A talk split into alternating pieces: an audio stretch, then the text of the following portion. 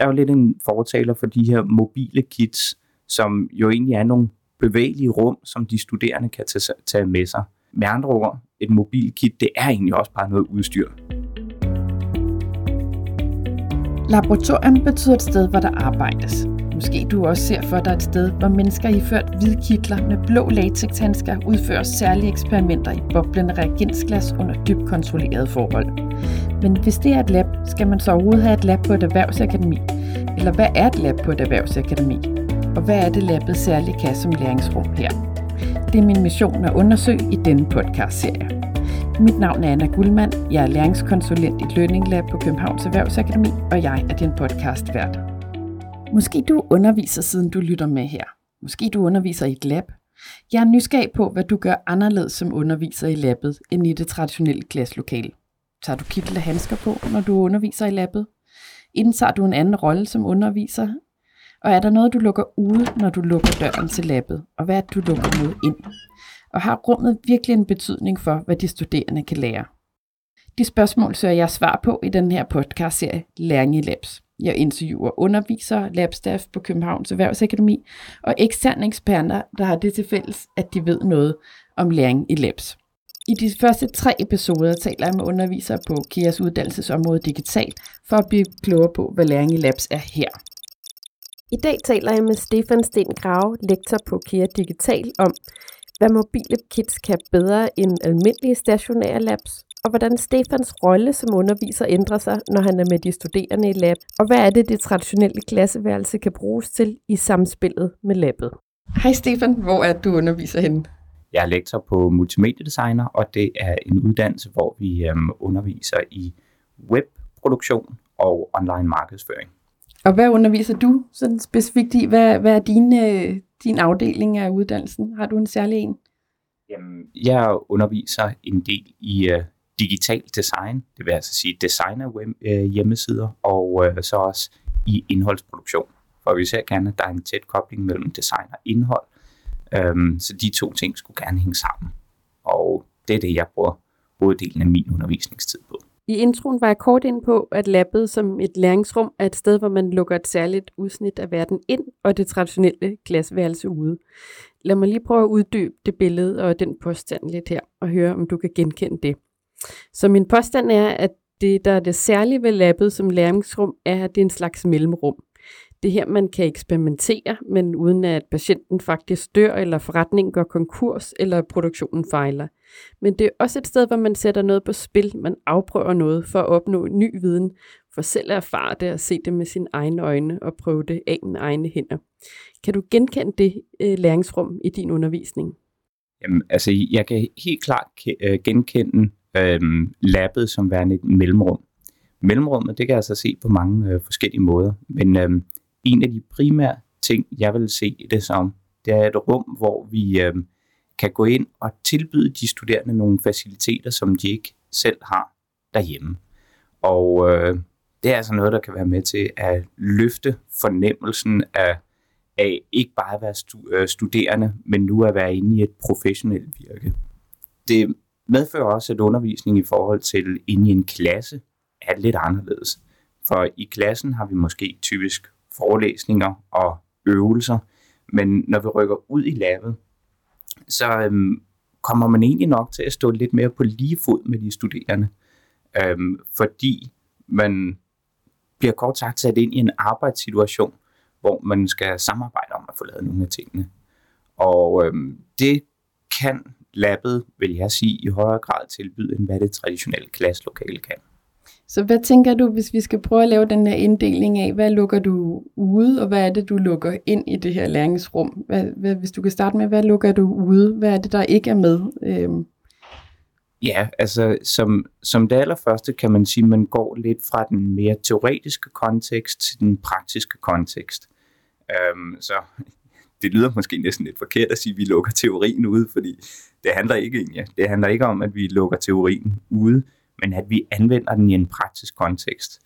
Og når vi står ude i en eller anden praktisk kontekst, jamen, så er der mange ting, der skal spille sammen, og øh, der skal arbejdes med hurtigt. Det gør, at, at tingene måske i højere grad skal ligge som øh, nogle bagvedliggende evner, hvor man bare udfører en række opgaver, frem for at man nødvendigvis skal til at reflektere over dem. Det med at reflektere over dem, det kan vi gå tilbage i klasserummet og gøre efterfølgende.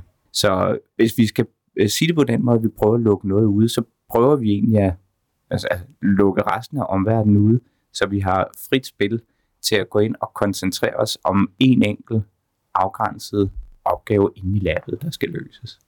Og hvad er det så, du lukker inde? Hvad er det, du gerne vil have, der, der slipper med ind? Eller hvad er det, du sætter i scene derinde? Og hvad, ja, hvad er det så, vi gerne vil have med ind? Der vil jeg sige nogle fysiske redskaber, som gør, at vi kan tage vores professionalitet op til et højere niveau. Kan du sige mere, noget mere konkret om, hvad er det så på multimediedesign? Hvad, hvad er det, du bruger i, i dine undervisninger? Hvis vi øhm, kigger på nogle konkrete eksempler fra multimediedesign, så har vi blandt andet haft et, øhm, et green screen rum. Et øh, green screen rum, det er sådan et, vi øh, kan bruge til at lave øh, fotografier og videoer med, øhm, så man efterfølgende kan gå ind og manipulere med baggrunden. Så i den her kontekst, der kan man sige, jamen kommer vi ind i et lukket rum, hvor vi ikke har andre faktorer, vi skal tænke på, jamen så kan for eksempel en interviewvideo, jamen der kan vi få løftet rammerne for, hvordan vi kan arbejde med lyssætning, hvordan vi kan arbejde med baggrund, hvordan vi kan arbejde med manipulering af det hele efterfølgende. Til, i, i en langt højere grad, end hvis vi egentlig, ja, i gåsøjne bare, bare skød videoen ude på gangen ude, i, ude, øh, ude på skolen. Det her, det var sådan som udgangspunkt i et meget fysisk rum, men i mine øjne behøver sådan et rum ikke nødvendigvis kunne være fysisk. Som jeg nævnte før, så handler det også lidt om noget udstyr. Og øhm, som jeg ser det, så kan sådan et, et lab, det kunne også sagtens være et mobil lab.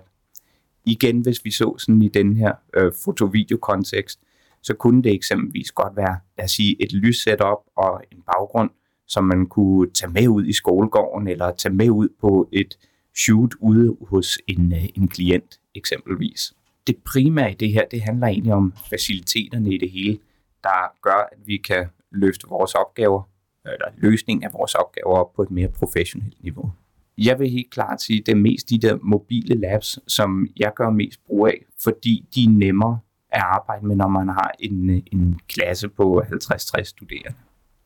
Så de, i det mobile er det, det er sådan en form for praksiskit, som I tager med ud af, ja. af, af, af centralen, om man så må sige. Ja. Øhm. Lige, lige præcis, at vi, vi laver sådan nogle små pakker med noget, noget videoudstyr, som de kan bruge og anvende det som nogle mobile labs. Og lige præcis når vi taler de her mobile pakker, jamen så bliver det i høj grad, at undervisningssituationen bliver at lave en række forskellige øvelser i, hvordan det fungerer. Um, og dernæst så kommer de studerende så ud og bruger dem i praksis ude i marken. Men det lyder også som om, at øh, det kræver noget mere af de studerende i forhold til sådan selvstændighed, når det er, at de får et eller andet øh, kit i hånden, og så, okay, nu skal I finde ud af det her, øh, end hvis I står i, i, i øh, et afgrænset rum, og der er sådan øh, fuld opmærksom på instruktionen, de skal have, og at så har de lært det. Øh, men man kan sige, det kræver helt klart meget af de studerende øh, at sætte sig ind i, vunden et, et mobilt laboratorium eller et lille kit med noget udstyr virker.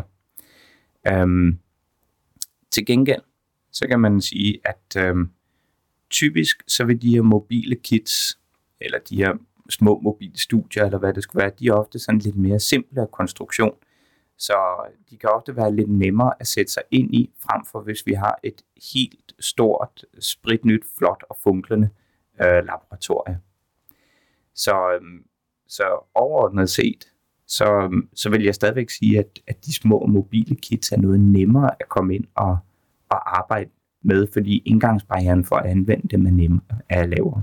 Jeg tror, man kan illustrere det lidt ud fra et eksempel med, at vi havde fået lavet et øh, uh, UX-lab. Et UX-lab, det er sådan et, uh, et lille testcenter, eller et lille testrum, hvor man kan komme ind og teste sine webløsninger med nogle klienter. Det her UX Lab, kort sagt, det skulle kunne lidt det hele, og det skulle kunne tiltrække øhm, virksomheder udefra som en af parametrene også. Men øhm, rummet er egentlig kun designet til, at man har, øh, lad os sige, en, en tre personer i et lille lokale bagved, og så har man selve testrummet, Og inde i testrummet kan der så være et par testfacilitatorer og en masse testpersoner.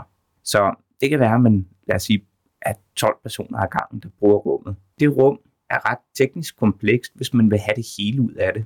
Øhm, hvis man vil have alle de gode ting, der, der er i det. Og vi fik egentlig aldrig rigtig sat gang i rummet, fordi det var en barriere for os at, som underviser at komme i gang med at arbejde med det. Og dernæst var det også en, en barriere at finde ud af, hvordan vi kunne integrere det i nogle undervisningsforløb, fordi der er så få studerende ad gangen, der kan være derinde. Så, så det er sådan et eksempel på et rigtig, rigtig godt og professionelt tiltænkt rum, men også et rum, som vi aldrig rigtig formået at udnytte potentialet. Og øhm, det er lige præcis her, hvor min umiddelbare holdning er, at det, øh, det, der er bedst, vi kan gøre, det er, at vi kan få lavet nogle rum, hvor øhm, indgangsbarrieren er lille i forhold til at bruge det, og at, at vi kan komme til at bruge det mange studerende ad gangen. Så kan vi rigtig nemt og godt få integreret de der labs i vores undervisningssituation. Og i vores undervisningssituation, i hvert fald på multimediedesign, der er vi ofte nogle ret store holdstørrelser på et sted mellem 50 og 100 studerende.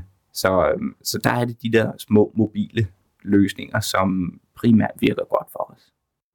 Hvad tænker du så? Nu taler du meget om sådan fysisk øh, udstyr, men hvordan ændrer det, eller ja, ændrer det, og i så fald, hvordan ændrer det din rolle som, som underviser? Hvad, indtager du en anden rolle, når, når du underviser i, i den kontekst, eller er du altid den samme som underviser? Eller, ja.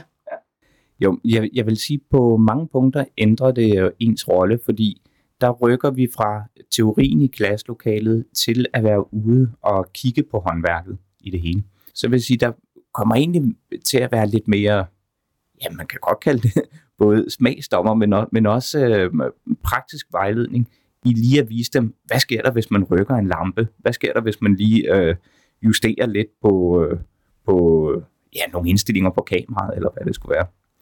Så på det punkt ændrer rollen sig fra at være underviseren til at være jamen, øh, en, en person med et fagfællesskab med dem, men hvor vi eksperimenterer med, hvordan de kan få forbedret deres løsning. Og så tager vi det skridt for skridt derfra, når, når vi forsøger os frem med, hvordan forbedringerne så kan laves.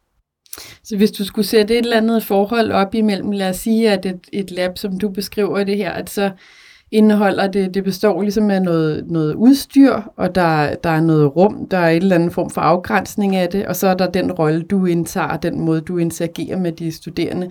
Hvad er vigtigst øh, så, og hvad, hvad, ja, hvis du skulle prøve at dele det ind i en lavkage, hvor meget vil du give de forskellige? Så udstyr og, og din rolle og, og rummet. Ja. Som, som det allervigtigste, hvis vi, øh, hvis vi taler om rummet og udstyret, det vil jeg sige, det er egentlig den helt store bid af kagen her, og jeg vil egentlig sætte den lidt sammen, fordi jeg er jo lidt en fortaler for de her mobile kits, som jo egentlig er nogle bevægelige rum, som de studerende kan tage, tage med sig. Øhm, med andre ord, et mobil kit, det er egentlig også bare noget udstyr.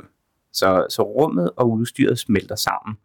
Og min påstand vil være, at det vil være 75 procent af, af, af, af hele det her med at få skabt et kit når de studerende så har fået fat i det, jamen så gælder det i høj grad om, at de får noget undervisning i det, så de kan bruge det, og de får en masse øvelser i det, sådan så de kan gå ud og anvende det i en praktisk kontekst efter.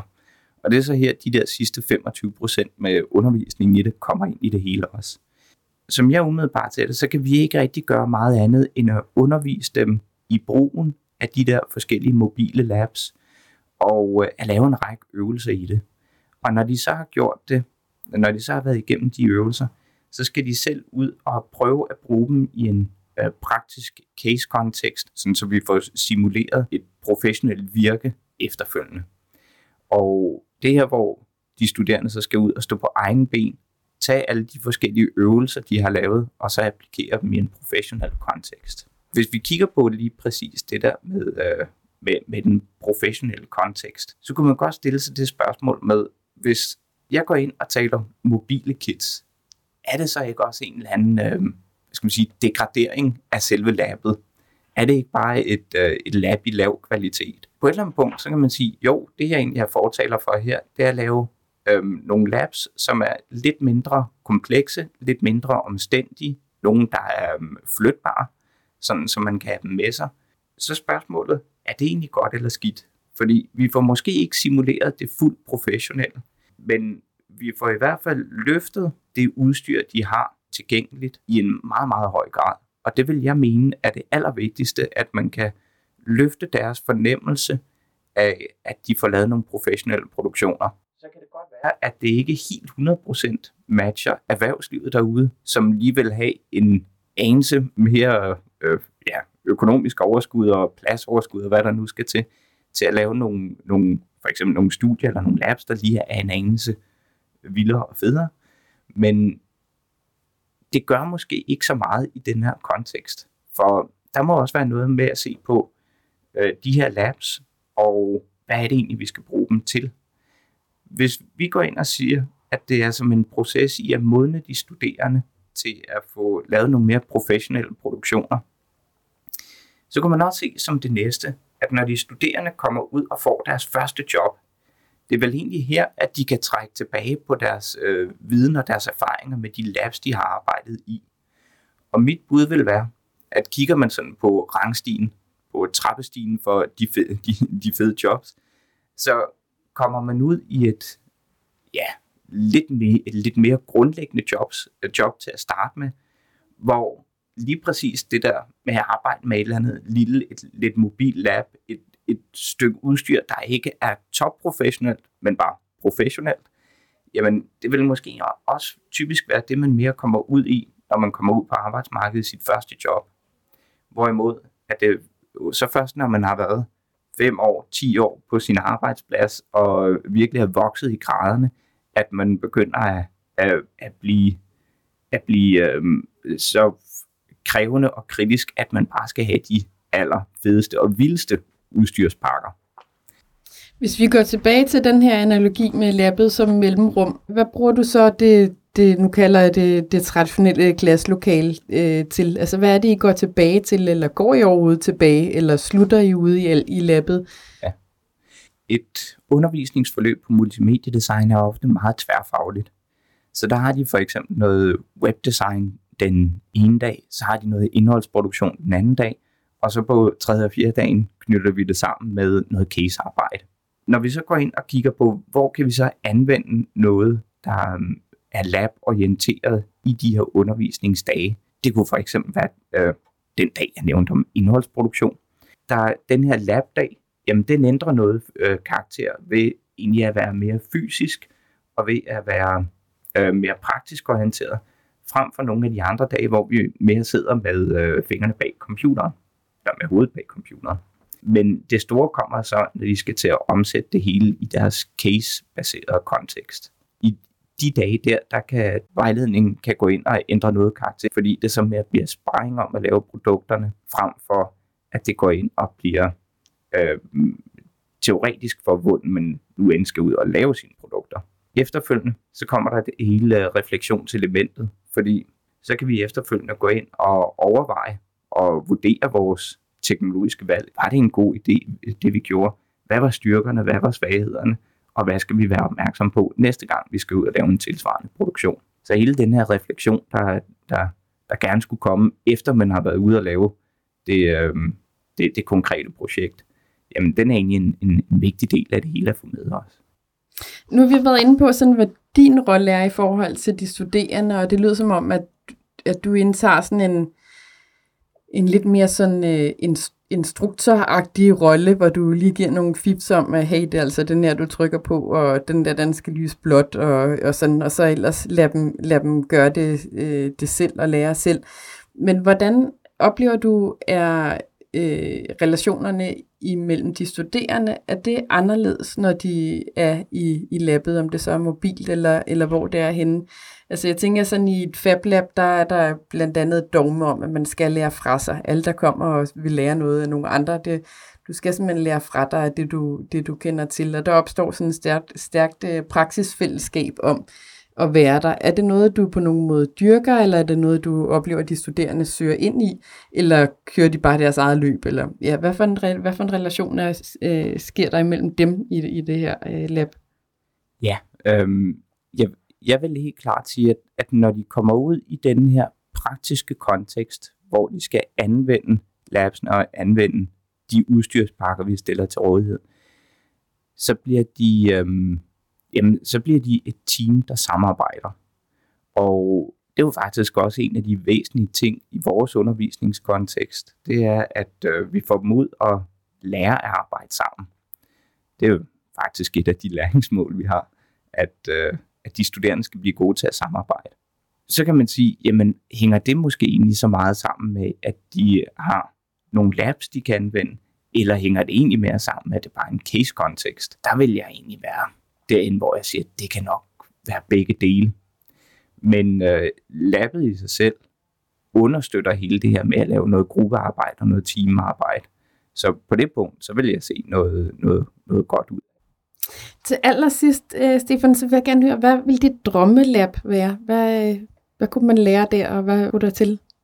Oh, mit drømmelab. Du må komme lige det ind i det, eller placere det, hvor du vil. Eller... Ja. ja.